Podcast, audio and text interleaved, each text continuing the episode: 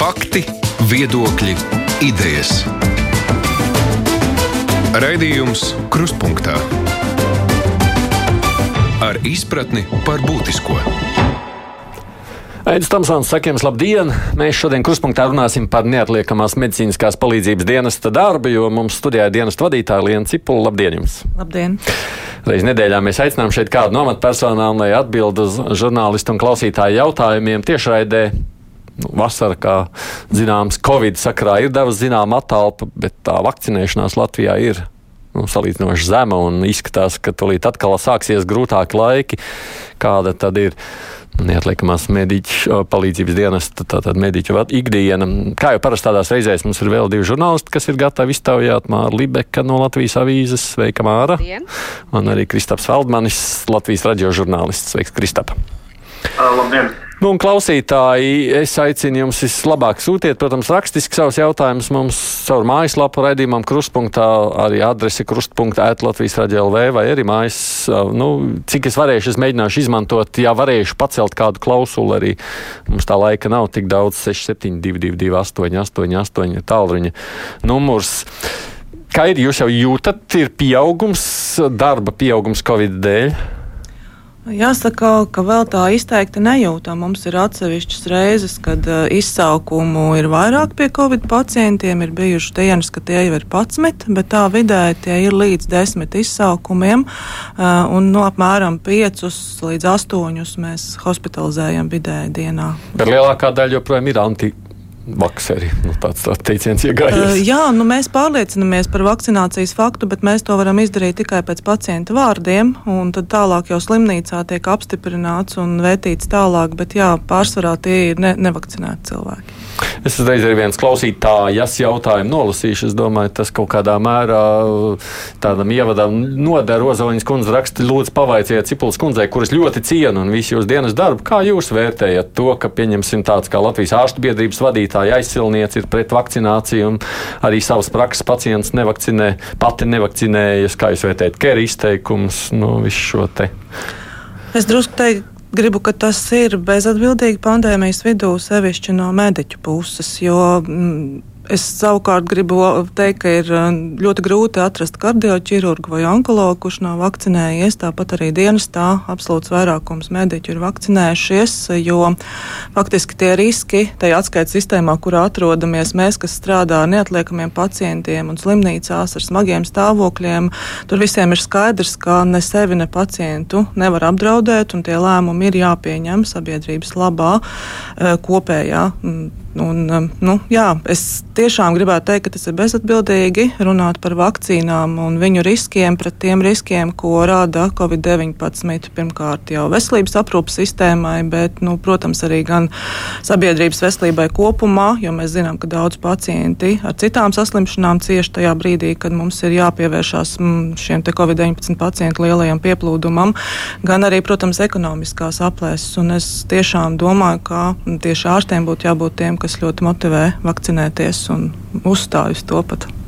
Tikai tagad ienāca prātā, mums ir neliela tehniska problēma, lai mēs dzirdētu, ko saka kolēģi. Ja uzdodot jautājumu, jums arī būs jālieto austiņas. Tā kā tagad es vienkārši to saku tie tehniski. Kas jums ir kolēģi jautājums, Māra? Jā, man um, tātad uh, jautājums ir par akūto slimnieku skaitu pieaugumu. Vai tas ir ļoti pieaudzis? Um, manā rīcībā ir tāda informācija, bet gribētu, lai jūs kā nu, avots tiešais to apstiprināt. Un, ja ir pieaudzis, tad kādi ir iemesli šim pieaugumam? Nu, par to, ka pacientu skaits pieauga, mēs pārliecinājāmies jau arī pagājušajā gadā, pēc perioda, kad beidzās tā Covid viens no viļņiem. Jo pacienti, protams, kas ir ar chroniskām kaitēm, un, un, un arī tie, kas varbūt ir kaut kādās agrīnās saslimšanas fāzēs, kuriem vajadzīgi izmeklējumi, bieži vien nenonāca laicīgi pie ārstiem un baidījās arī nonākt stacionāros. Par to nav, nav nekāds noslēpums. Un, protams, tad, kad salīdzinoši droši, drošāka paliek šī epidemioloģiskā situācija. Tie cilvēki tomēr meklē palīdzību, vai arī otrs lielākoties šie pāsinājumi tomēr veidojas, un viņi ir spiesti saukt neatliekamā kārtā un, un doties uz stacionāriem. Jāsaka gan, ka šogad bija arī tas pats efekts, kas iepriekš pēc mājasēdes cilvēki bija kādu mēnesi kā noraušies no ķēdes, jā, jo tiešām visi gribēja maksimāli atpūsties, arī dažādas aktivitātes, sporta aktivitātes veikt, un bija augsts traumatisms. Un jāsaka, ka arī šī vasara kopumā ar šo karsto laiku, karstuma vilni lielo, tātad nu, nebija, bija nedraudzīga hroniskajiem pacientiem, vecāku gadagājumu cilvēkiem, un mēs saskārāmies tiešām ar lielu pieplūdumu arī tiem pacientiem, kas cieta tieši no pārkaršanas, no karstuma durieniem vai no karstuma ietekmes. Mm. Tā kā tā tas arī ir jāsaka. Tādos, jā. tādos galēji smagos stāvokļos, kad cilvēks nav ticis pie ārstiem, nonācis viņa veselības stāvoklis ļoti smags, vai tādi gadījumi arī jums nereti gadās, kad jādodas pa tādu, nu, ļoti, ļoti smagā stāvoklī to, cilvēkiem, to doma, nav tikuši. To ar to domu, jā. tāpēc, ka Covid dēļ iepriekš ne, netika palīdzību meklēt, jā, tāpēc, jā, tā jā, tā. tāpēc es domāju, jā, vai tādi galēji smagi stāvokļi bijuši. Nu, mēs saskārāmies ar ļoti novēlotām situācijām. Jāsaka, ka nevienmēr brigādēm ir iespēja jā, tieši mūsu etapā noskaidrot tos iemeslus, kāpēc pacients nav vērsies. Tie var arī nebūt saistīti tieši ar Covid. Jā, tā, tas mēs varbūt tā varam runāt tādos lielos, lielos vilcienos. Protams, kā slimnīcu ārsti nu, daudz vairāk un precīzāk var stāstīt par šiem gadījumiem, jo viņi jau tad iztaujājot eh, dziļāk pacientus un tuvniekus, eh, saprot, eh, kas ir bijis par iemeslu. Bet jā, novēloti gadījumi bija, un tiešām pacientus mēs vedām slimnīcu smagā stāvoklī pietiekoši. Arī uzņemšanām bija ļoti liels slodzes šajā laikā, un arī slimnīcu kopējais pašreizējais piepildījums liecina to pašu klīnisko universitāšu slimnīcu, par kurām vispirms laikam jārunā. Nu, tas ir virs 80% un bieži vien virs 90% tāds, nu, teiksim, tāda slimnīcu slodze ar ne-covid pacientiem, nu, tas arī nav diezko raksturīgi. Mm. Labi, Kristap! Jā, es eh, gribētu iesākt eh, varbūt ne ar pacientiem, bet eh, ar dienesta darbiniekiem šajā Covid pandēmijas laikā. Nu, ziema, rudens ir tas daudz, daudzkārt aktīvākais darba laiks. Gribēju saprast, vai ir izdevies dienestam nodrošināt, ka vasarā darbiniekiem izdevies doties atvaļinājumos un atpūsties, lai būtu gatavi, vai, nu, vai varat droši teikt, ka visi, kas ir vēlējušies atpūsties, arī ir to varējuši izdarīt? Tas mums bija ļoti sarežģīts process, ir jāatzīst, jo šajā laikā mēs papildus tam, kā mums bija jānodrošina brigāžu darbs pilnā sastāvā, bija arī jā, jāasistē lielajos vakcinācijas centros, jānodrošina dežūras. Mums bija ļoti liels izaicinājums, lai mēs varētu visiem, kas vēlas iedot šos atvaļinājumus. Jāsaka, ka um, pats mūsu darbinieki arī tiešām daudz vairāk pašlaik vasarā bija uz darba nespējas lapām kā citus gadus. Tas ir saistīts ar to izdegšanu un, un nedaudz tādu pārstrādāšanos, kas bija ziemas periodā. Dažādas skaitas arī kroniskas mūsu darbiniekiem, diemžēl, ir manifestējušās. Tādēļ mēs tā ļoti, ļoti raugāmies. Pašlaik ir situācijas, ka atsevišķās dienās nenodrošinām visu pilnīgi brigāžu darbu, jo tiešām respektējam to, ka no atvaļinājuma mēs nevienā ārā nesaucam, ja kaut kas gadās. Un šis vasaras laiks mūsu personāla plānotājiem ir ļoti, ļoti sarežģīts. Mm -hmm, bet atvaļinājumu uzlaidāt. No, jā, man jā. vēl jautājums ir arī par atalgojumu. Covid laikā, kad bija lielais vilnis, mediķiem maksāja, nu, var teikt, gan arī otru algu dubultā. Nu, un tuvojoties vasarai, no jūnija laikam, ja nemaldos, nu, to, to tās piemaksas pamazām ņēma nost un noņēma. Man jums jautājums ir, cik tad, kā, kā mediķi reaģē uz to, un vai jums pilnībā piemaksas jūsu dienestā arī noņemtas, un cik tad bija tā maksimālā, maksimālais atalgojums? Atalgojums, ko Covid laikā varēja nopelnīt ārsts un ārsta palīgs, un cik tas ir tagad, ja? nu, tas aptuvenais atalgojums. Runājot par piemaksām, dienests ir viena no tām uh, iestādēm, ārstniecības iestādēm, kas uh, varēja saņemt visaugstāko, pat līdz 100% piemaksu par darbu, un, bet dienestā bija diezgan stingra diference starp to, uh, kāda varēja būt piemaksa, jo uh, tā tika pielāgota pie intensitātes, darba intensitātes, atkarībā no tā, cik izsaukumi tiek izpildīti diezgan, uh, nu, teiksim, tā smalka mums uh, bija tā sistēma izveidota, lai maksimāli tomēr būtu godīgi pret tiem, kas strādā strādā ļoti augsts intensitātes punktos un daudz izsaukums izpildu, un tie, kas tomēr vairāk vai mazāk atradās dežūra režīmā, jo atsevišķās vietās izsaukumu skaits arī kritās, ņemot un, un, un vien noteiktiem pacientu grupām kritās šis skaits.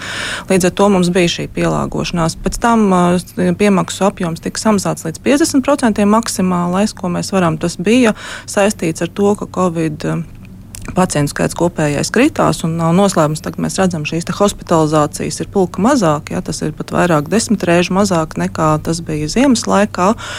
Un, jā, protams, darbiniekiem bija, nu, es domāju, prieks saņemt lielo piemaksu, un nevienam nepatīk tās kļūst mazākas, bet tās bija objektīvas, un dienestā to ar izpratni uztvēra, ja, ka tas tā arī ir, jo šīs piemaksas ir ārpus kārtas un par noteikta nu, darba apjomu veikšanu.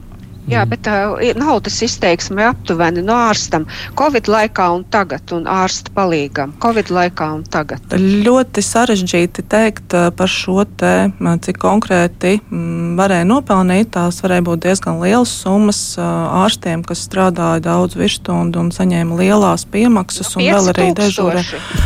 nu, es ne, nevaru nosaukt precīzas summas, es tā neesmu pētījusi darbinieku algas, bet atalgojums, protams, pieauga. Jā, un, un tie varētu būt ārstiem, es domāju, noteikti ap 5000 uz papīra, kas viņam bija aprēķināti algās. Mm -hmm.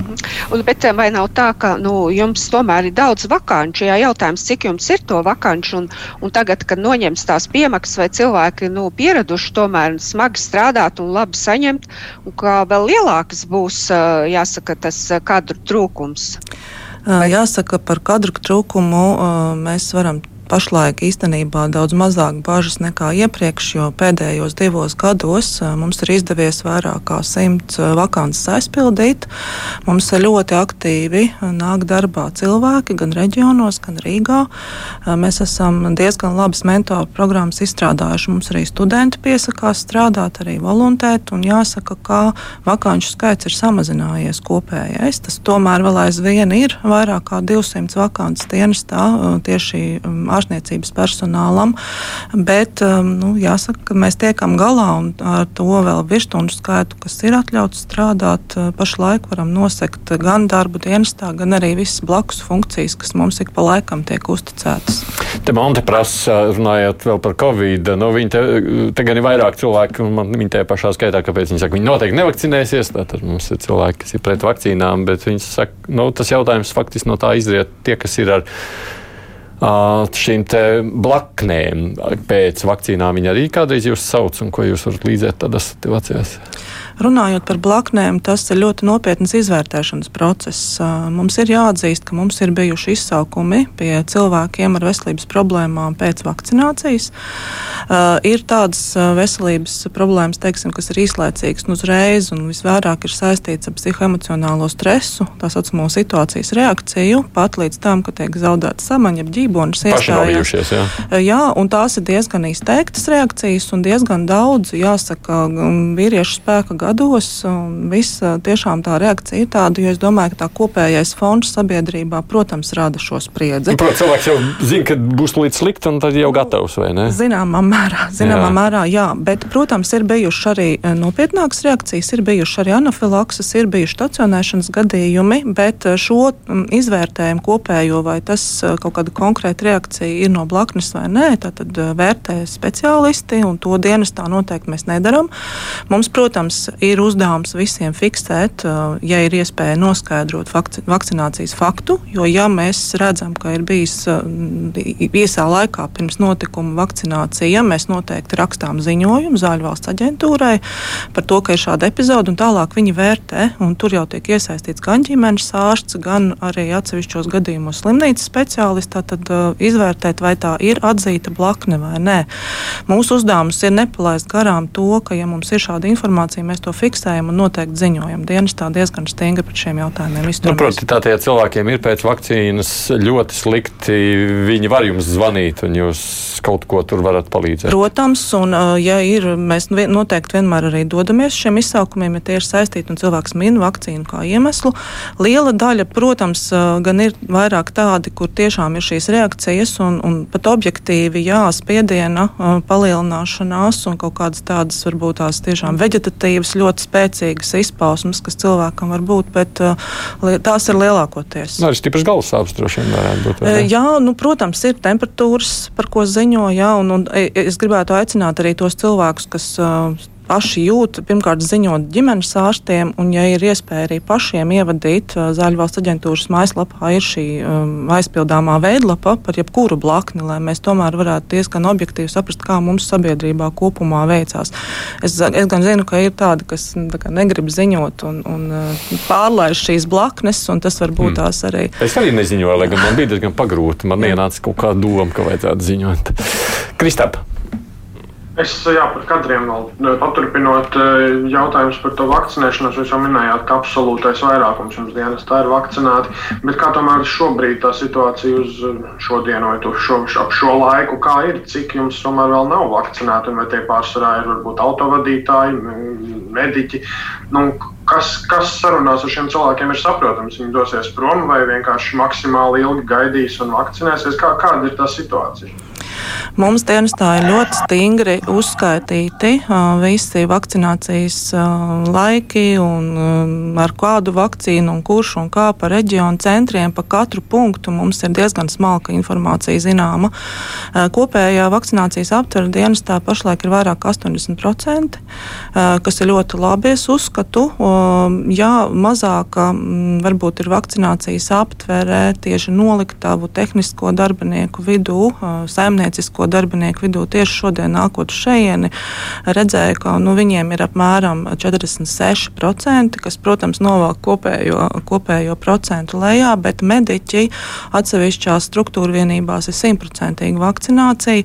Jāsaka, arī autovadītāji ļoti, ļoti atbildīgi pret šo jautājumu izturās un nav ļoti lielas atšķirības.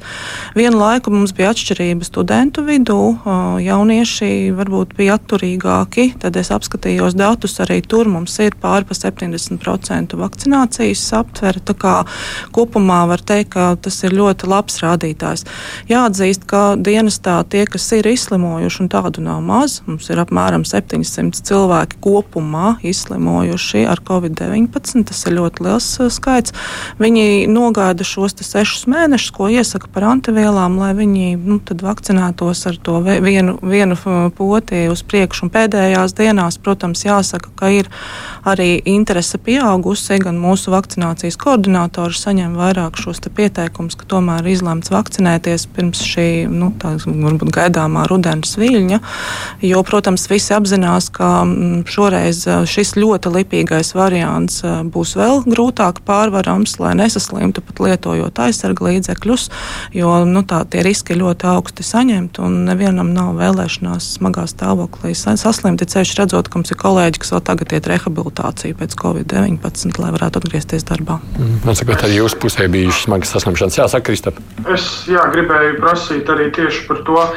Nu, būs visticamāk arī vēl atkal kāds uzliesmojums, un neizvairīsimies no tā. Ir kaut kas tāds, ko jūs esat mācījušies, sapratuši, vai, vai vienkārši ir jādzīvo un, un jādara, kā ir. Vai tomēr ir kaut kas tāds, ko jūs jau tagad varat skaidri zināt, ka jūs darīsiet citādi, lai būtu varbūt vieglāk jums pašiem un visai sabiedrībai?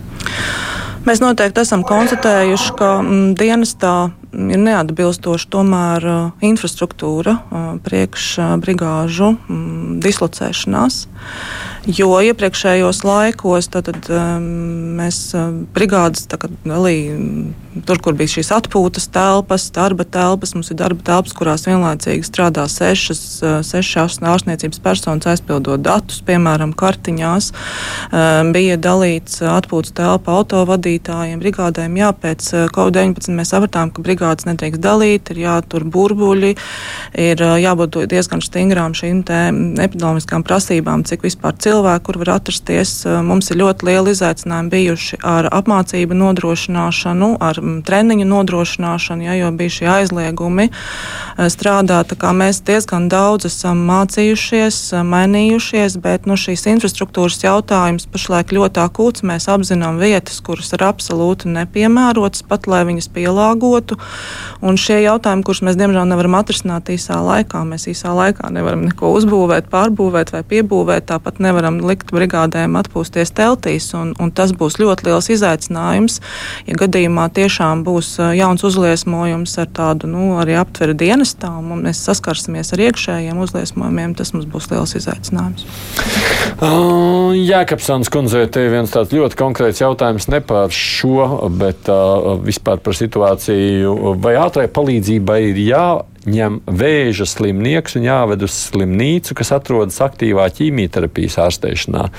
ja viņam veselības stāvoklis paliek sliktāks saskaroties ar zāļu blakus parādībām.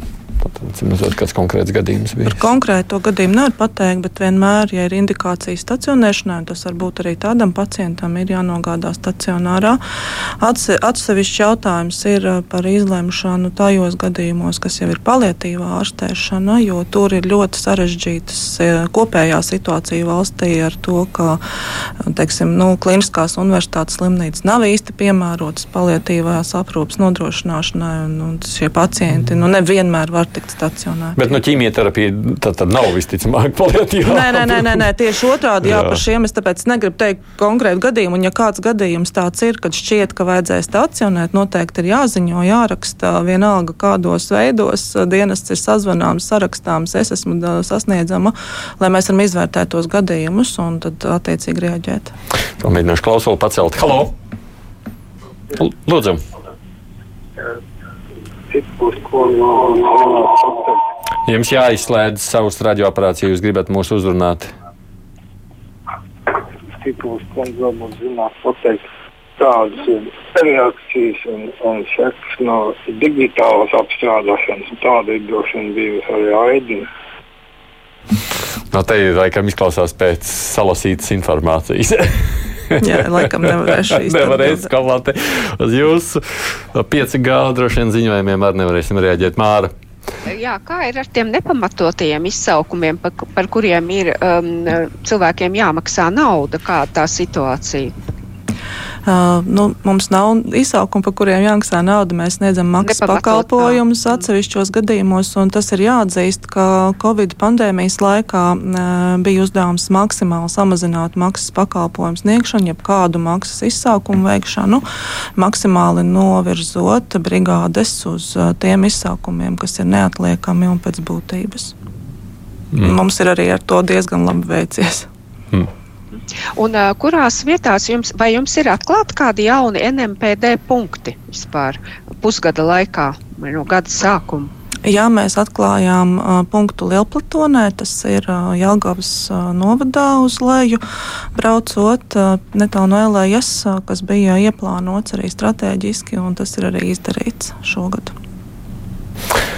Nu, te ir vairāk paldies jums, saka, te cilvēki vienkārši grib izteikt lielu paldies, kaut vai Ozols kundze, tos labākos vārdus, lielo paldies par darbu. Bija vajadzība pēc ātrās palīdzības jauni doktori, kas bija atbraukuši, bija ļoti zinoši, nevienlīd, ne, nevienaldzīgi. Man kaimiņiem arī strādā neatliekamajā palīdzībā, un es redzu, kādas lodziņas ir jātur. Paldies jums, esiet veseli! Tādi vairāk labi vēlējumi jums ir Kristapa. Es eh, gribēju saprast arī to jūsu nostāju jautājumā. Ja nemaldos, Skrīdis kungs bija tas, kurš par to ir eh, iestājies, ka par šiem te eh, ārējiem automātiskiem defibrilatoriem publiskās vietās. Kāds ir tas jūsu redzējums, vai nav par šo aktīvi varbūt jācīnās ar NMPD dienestam, jo, jo nu, cik saprotams, tas ļoti arī atvieglotu jūsu darbu un palīdzētu arī pacientiem. Kā, ko, ko jūs varbūt varētu darīt aktīvāk, jo nu, šobrīd nedzirdat, ka šī būtu ļoti svarīga un aktuāla tēma. Jā, varbūt publiskajā komunikācijā šis ir nedaudz noslīdējis zemāk, bet par šiem jautājumiem vēl aizvakar runāju ar Skrīdus kungu pa telefonu, un mēs plānojam, kā mēs rīkosimies, turpināsim sadarbību, jo mēs strādājam pie regulējuma, kas varētu nozīmēt vispirms jau noteikumus, kurās vietās un kādus defibrilātors un kam ir pienākums uzstādīt. Sagaidām, ka būs diezgan sarežģītas šīs diskusijas, jo tad, kad uzliek par pienākumu, pienākumu kādai sabiedrības grupai, piemēram, uzņēmējiem, tā, tad, tad, protams, ka tur varētu būt uh, disku, diskusijas diezgan plašas. Uh, bet jā, mēs gribētu sākt ar šo regulējumu, un tā ir viena no dienesta arī funkcijām - pirmās palīdzības uh, sistēmas veidošana, nodrošināšana un AED def, šie defibrilatori ārējie ir tā viena no funkcijām, pie kuras mēs noteikti strādājam. Un arī ar Skridas kungu ir bijušas tikšanās gan ar viņa asistenti, kas strādā konkrēti ar šo jautājumu, gan ar viņu pašu, un mēs plānojam rudenī diezgan aktīvi pie šī jautājuma jau pieslēgties. Tas ir vairāk regulējumi pašlaik jautājums. Mm. Tur es gribēju saprast, ka bija viena tāda papildinājuma, tas paņem līdzi arī kaut kādu iedzīvotāju apmācību, vai no tā, ka nezinot, nevar nodarīt kaut kādu lielāku ļaunumu? Cik tas vienkārši ir plašs projekts, es gribētu saprast. Jā, regulējumā to starp paredzot šādu defibrillātoru izvietošanu, noteikti ir jāparedz apmācības sistēmā arī izmaiņas, kas savukārt nozīmētu pirmās palīdzības apmācības programmu pārmaiņas, un arī pie šie jautājumi paralēli tiek risināti, jo arī pie pirmās palīdzības apmācību regulējuma pašlaik aktīvi strādā dienests. Ir bijis sarežģīts šis laiks, protams, ka mēs saprotam, ka prioritātes pārbīdās un atsevišķi jautājumi varbūt mums pašiem gribētos, lai virzītos ātrāk bet eh, pie tiem tiek strādāts un eh, nav nekas aizmirsts. Es domāju, ka nākamā gada laikā mums vajadzētu sakārtot jau šo regulējumu pilnībā. Pacelšu klausuli. Halo! E, labdien! Labdien! Es gribēju tādu jautājumu uzdot. Ja esi vakcinēts un e, atkal esi sakēris vīrusu, vai mana imunitāte tiek palielināsies vai paliks sliktāk? Noteikti organisms reaģēs, ja, tiek, ja ir simptomātiska akāla saslimšana vieglā formā noritoša, tad atkal veidojās šīs antivielas un kopumā imunitātei jāstiprinās būtu. Bet šis noteikti ir jautājums, kas jājautā imunologiem un, un cilvēkiem, kas ir šiem Protams, jautājumiem jā, strādā. Jā. Es jums aicinu, protams, zvanīt par to, kas skar neatliekamās medicīniskās palīdzības dienas darbu. Māra, tev ir kas jautājums? Jā, man interesē, kā ir ar tiem autovadītājiem, mediķiem vai, vai um, jums jau laikam šoferi tikpat kā vairs nav tādi, nu, kas ir šoferi, bet vada mašīnas autovadītāji. Kāda tā situācija ir vispār? Un tas projekts, kā, kā ir jums izdevies, pašai šķiet ir izdevies, vai ir problēmas, jo tur sievietes diezgan daudz arī, saprot, ķērās pie stūras un tā. Jūs gribat zināt, vai ar sievietēm problēmas? Nē, nav. Nē, nu, viņām nav tāda iemaņa, protams, ka. Nē, mums ir brīnišķīgas autovadītājas. Mums ir arī viena dāma, kura nemaz nav mediķis, bet ir autovadītāja. Tīri autovadītāji jāsaka, ka šoferu skaits nav samazinājies dienestā. Tie paši šoferīši, kas strādāja līdz tam, tie arī strādā tagad. Um, diezgan daudz un liela ir interese mediķiem par strādāšanu šajās brigādēs bez autovadītāja. Tas jāatzīst, un tiešām arī meitenes daudzas apmācās un dara. E, process bija nedaudz iepauzējies Covid dēļ, jo mēs nevarējām veikt šo drošas braukšanas skolas e, apmācības kursu. Ja, tagad tikko tas atkal ir e, at, atļautas šīs apmācības, kas notiek šajās 3x3 trasēs, mēs to arī nodrošinam, un jau vairākas grupas, divas laikam jau ir pabeigušas un plānojas septembrī vēl viena. Bet jāsaka, ka jā, divu cilvēku brigāžu stāsts turpinās. Mēs esam sarunās ar veselības ministriju, kā tālāk strādāt ar šiem izglītības jautājumiem. Jo, protams, tas nav pareizi, ka tieši dienests pats veic visu šo programmu, gan veidošanu, gan, gan apmaksu, gan apmācības. Drīzāk tas ir kaut kādā mērā jāintegrē jau pamat izglītībā, ārstniecības personu apmācības laikā. Un pie šiem jautājumiem arī strādājam. Mums ir nākamajam gadam, nākamajiem gadiem, nākamajam periodam jāraksta atkal strateģiskais tāds redzējums, un tur, jā, nu, redzēs, kā mums ies, bet uh, vēl tuvākajā laikā šādu brigāžu veidošana notiks. Uh, pateicoties šīm divu cilvēku brigādēm, mums ir izdevies atvērt šos papildus punktus un uh, uzrādīt šos augstos operatīvitātes rādītājus, jāsaka, ka Covid laiks parādīja, ka ja mēs nebūtu šos procesus sākuši jau iepriekš un gatavojuši šīs, šos cilvēkus un brigādes, mēs laikam tik labi galā nebūtu nebūtu tomēr tikuši, jo šis pārvešanu skaits lielais, kas bija jānodrošina Covid laikā, un arī, lai samazinātu mm, kontaktu skaitu, mm, teiksim, trīs cilvēku brigādes bija ar augstāku risku, ka var saslimt visa brigāde. Mēs tiešām strādājām, nu, teiksim, jāsaka pat ar prieku atzīstot paši sev, ka šis ir bijis pareizs lēmums iepriekš, bet uz nākotni noteikti ir jāstrādā pie izglītības stiprināšanas. Mm. Uh, es nolasīšu Krišjānu vēstuli tā, kā viņš raksta. Labdien! Nav noslēpums, ka viņa Cipule nepatika. Kā viņai veicas ar Pavļutu? Vai konfliktu nav? Es nezinu, vai es kādam patīku vai nepatīku. Man ar Pāvļu kungu pašlaik ir tajā līmenī sadarbība, kas mums ir svarīgie jautājumi, visi tiek risināti. Un, uh, viņš ir samērā atsaucīgs uz uh, lietām, kas, kas skar arī dienestu. Es nezinu, neesmu viņam jautājis, vai es viņam patīku. man, man, vien, man viens jautā, jautājums. Pagaidiet, ah, ļauj Kristapam pajautāt. Man ir ļoti, ļoti līdzīgs jautājums, kas man pat izskanēja. Es gribēju saprast, jā, jo. Mm. Jo gan, gan šodien, gan vairāk kārt iepriekš arī ir bijis uh, kaut kādi projekti, runas par kaut ko, bet jā, šobrīd ir Covid un tas ir atlicies, pārlicies. Covid, protams, ir ļoti, ļoti plašs un daudz laika paņemošs, bet es gribēju tieši saprast, kā jūs vērtējat Pāvļa kunga darbu, jo Jo gan Pavļotu kungu laikā, gan arī Viņķels kundzes laikā ir izskanējis tāds eh, termins vakcinācijas ministrs, nu, kad būtībā viss tiek tikai par to un ap to. Vai jūs varētu vērtēt, ka nav aizmirsti arī tādi apkārt un papildu dažādi citi darbi, kas tomēr ir eh, jāveic veselības ministrijā, tos tad, nu, sadarbībā ar jums? Nozarē bijusi ļoti sarežģītā situācijā. Protams, Covid liela prioritāte kopumā bija arī ļoti daudz darba stundu laiku un visādi paņemoši. Uh, bija arī šī sarežģītā gan pašu ministru maiņa, gan arī valsts sekretāra mainījās, kas, protams, ietekmē kopējos, nu, vispār kopējos procesus, uh, sākot ar vidi, kurā jāstrādā, un beidzot jau ar uh, virzieniem, ko kurš vadītājs redz par savu prioritāti. Nenoliedzami Pavļot kungs arī nes neslēp, kad viņš atnāca strādāt, viņa galvenais uzdevums, un es to ļoti atbalstu, jo tas bija viens no galvenajiem tajā laika jautājumiem, kā veicināt vakcināciju, kā mums sakārtot visus jautājumus ar pandēmiju.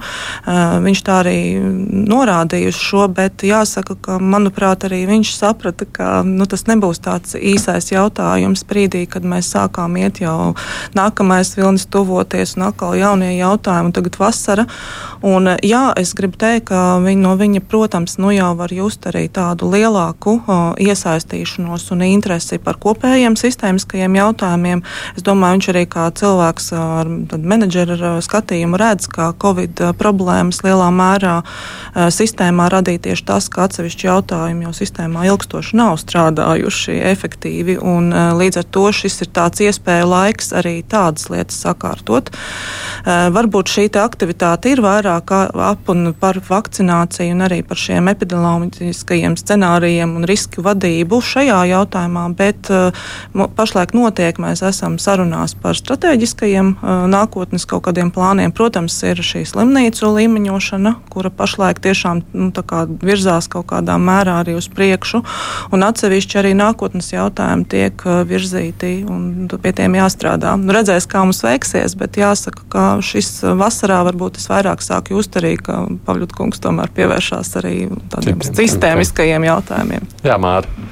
Jā, man nesanāk tā, ka kopš jūs esat ievēlēti Ogres novada domē, kur atalgojumi maksā par simts darba stundām, ja? jums arī kā deputātei, vai tagad nesanāk tā, ka jūs tajā NMPD dienestā spējat strādāt tikai vairs uz pusslodzi?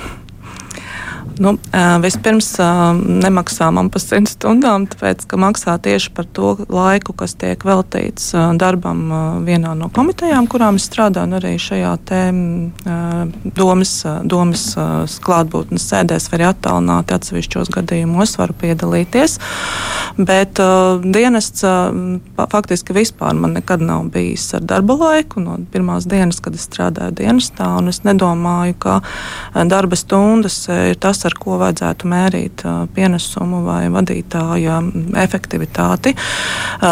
Iespējams, ka es gribētu, varbūt, ka man nebūtu ļoti, ļoti daudz jā, jāstrādā šajā tieši domas darbā, un arī tādēļ neesmu pieteikusies ļoti daudzos amatos vai vēl kaut ko, bet jā, kā deputāts man ir atsevišķi nu, tādi mani prioritārie jautājumi, kas, kas man liekas svarīgi, sevišķi, kas skar arī veselības aprūpas pieejamību un primārās aprūpas pieejamību sociālajā sociālās lietas. Covid laikā, starp citu, ļoti daudz redzēju atšķirības starp sociālās aprūpas centriem dažādos novados. Un, jā, sapratu, ka tas ir viens no jautājumiem, kur arī ir vajadzīgs atbalsts pašvaldībām, jo nevienmēr tā ir nevēlēšanās, bet vienkārši varbūt arī ne, nevēl, nemācēšana vai, vai kaut kāda pieredzes trūkuma dēļ. Tā kā es varbūt tādā ziņā varu būt arī pienesums savā Ugras pašvaldībā, arī Ogras slimnīcai būt atbalsts. Domāju, ka to veiksmīgi var savienot. Nu jā, bet pašvaldībām maksā deputātiem kā, kā kurā par, par tām stundām, ko viņi nostrādā. Katrai noteikts noteiktais skaits, pa kuru uh, nostrādājot deputāts saņem algu. Nogras novadā tās ir 100 stundas. Nē, ogres novadā ir jāraksta precīzi atskaita deputātam uh, ar dokumentiem. Laikam var strādāt 8 viņi, stundas jā. maksimums. Un tad ir tiešām tikai tik, cik ir šīs sēdes, un viņas nekādā gadījumā tās nav 100 stundas. Labi, tas man Varbūt tas ir maksimums. Jā. Es neesmu Nē, tas ir gatavošanās darbam. Tā, tur ierēķina tās stundas. To jūs varēsiet pēc tam noskaidrot. Es vēl vienu klausītāju zvanu uzklausīšu. Halo! Labdien! Labdien nu, es gribētu vienreiz uh, pateikt vienu lietu. Kāpēc šoferi, kas brauc ārpus Rīgas, kaut vai uz dārziem, uz plakanciem, tieši patreiz, viņiem nav ne maskas un kāpj iekšā arī gan piedzēruši bez maskām, gan cilvēki bez maskām. Ir vienalga. Saprotiet? Ka... Nu, ir runa par to, ka dātajā palīdzībā, ja neatliekamajā jūs vedat bez maskām. Nē, mēs, mums ir uz, uzdevums un pienākums vēl gan pacientiem maskas, gan arī pašiem būt izsaukumos maskās. Ja ir šādas situācijas, noteikti jāziņo. Mums ir diezgan sarežģīti izkontrolēt atsevišķas situācijas, ko viņa jau minēja, sieviete. Ja, tad, tad, ja mēs video režīmu laika pa laikam kontrolējam darbiniekus, ir ļoti stingri sodi darbiniekiem, ja tiek pieķerts, ka viņš nelieto individuālās aizsardzības līdzekļus, tostarp līdz pat visas Covid piemaksas atņemšanai. Un, un vienā, vienā situācijā tie bija vairāk kā 400 eiro, ko cilvēks zaudēja par šo epizodi. Ja ir pienākums vilkt individuālās aizsardzības līdzekļus izsaukumā pie jebkura kontakta ar pacientu, un pacientam dodoties uz stacionāru, ir jāvelk maska. Tas ir noteikts algoritmos. Mm. Kristāpam vēl pēdējais jautājums. Piedodiet, to es netiks. Es gan ātri piebilst, es pats dzīvoju Stradiņas slimnīcas rajonā un gana daudz un gana bieži redzu, ka brauc bez nekādiem šiem te aizsargu līdzekļiem. Bet mans jautājums bija par mobilās palietīvās aprūpas komandu. Es gribēju precizēt, labojiet man, ja kļūdos. Man šķiet, ka tur arī bijis tāda sava loma jums, jūsu dienestam šī visa šīs komandas iesaistē. Un ja jā, tad cik tālu ar to iet? Nē, neatliekamās palīdzības dienests nestrādā pie šī jautājuma ar paliatīvo aprūpi. Visdrīzāk tas ir saistīts ar kādu citu institūciju. Mhm. Uh, bet uh, mēs noteikti atbalstītu un vērojot uh, nu, tos procesus, kā citās valstīs organizē darbu, protams, dienests varētu būt nākotnē viens no tiem, uz kura bāzes varētu veidot kāda cita līmeņa palīdzības sniegšanas komandas, kas varētu būt gan psiholoģiskais atbalsts, gan šīs te paliatīvās aprūpas brigādes, gan narkoloģiskās, kādas daudzās valstīs arī ir. Mēs esam uz šādas takas nostājušies veidot veidojot šīs dažādu līmeņu brigādes. Tātad mums ir ļoti augsti sagatavotas brigādes, kas ir specializētās, tad mums ir šīs te, um, ārstu palīgu brigādes, kas ir trīs cilvēku sastāvā, un tad šīs divu cilvēku brigādes jau tagad tiek novirzītas uz zemāku prioritāšu izsaukumiem, uz pārvešanu, organizēšanu. Tad, tad mēs jau faktiski lielā mērā šos te pakalpojumus nedaudz sadalām, un, un ir iespēja veidot nākotnē strateģiski arī valstī šādas atbalsta brigādes citu eh, ne neatliekamu pakalpojumu nodrošināšanai, jo sistēma ir gatava, protams. Mm. Paldies, kolēģi! Paldies neatliekamās medicīniskās palīdzības dienas vadītājai Lienai Cipulei savā darba vidū. Atradāt laiku atnākt pie mums uz studiju. Paldies jums! Kristofers Feldmanis no Latvijas raidījumā Libeka Latvijas avīzes. Paldies jums, kolēģi, ka pieslēdzāties!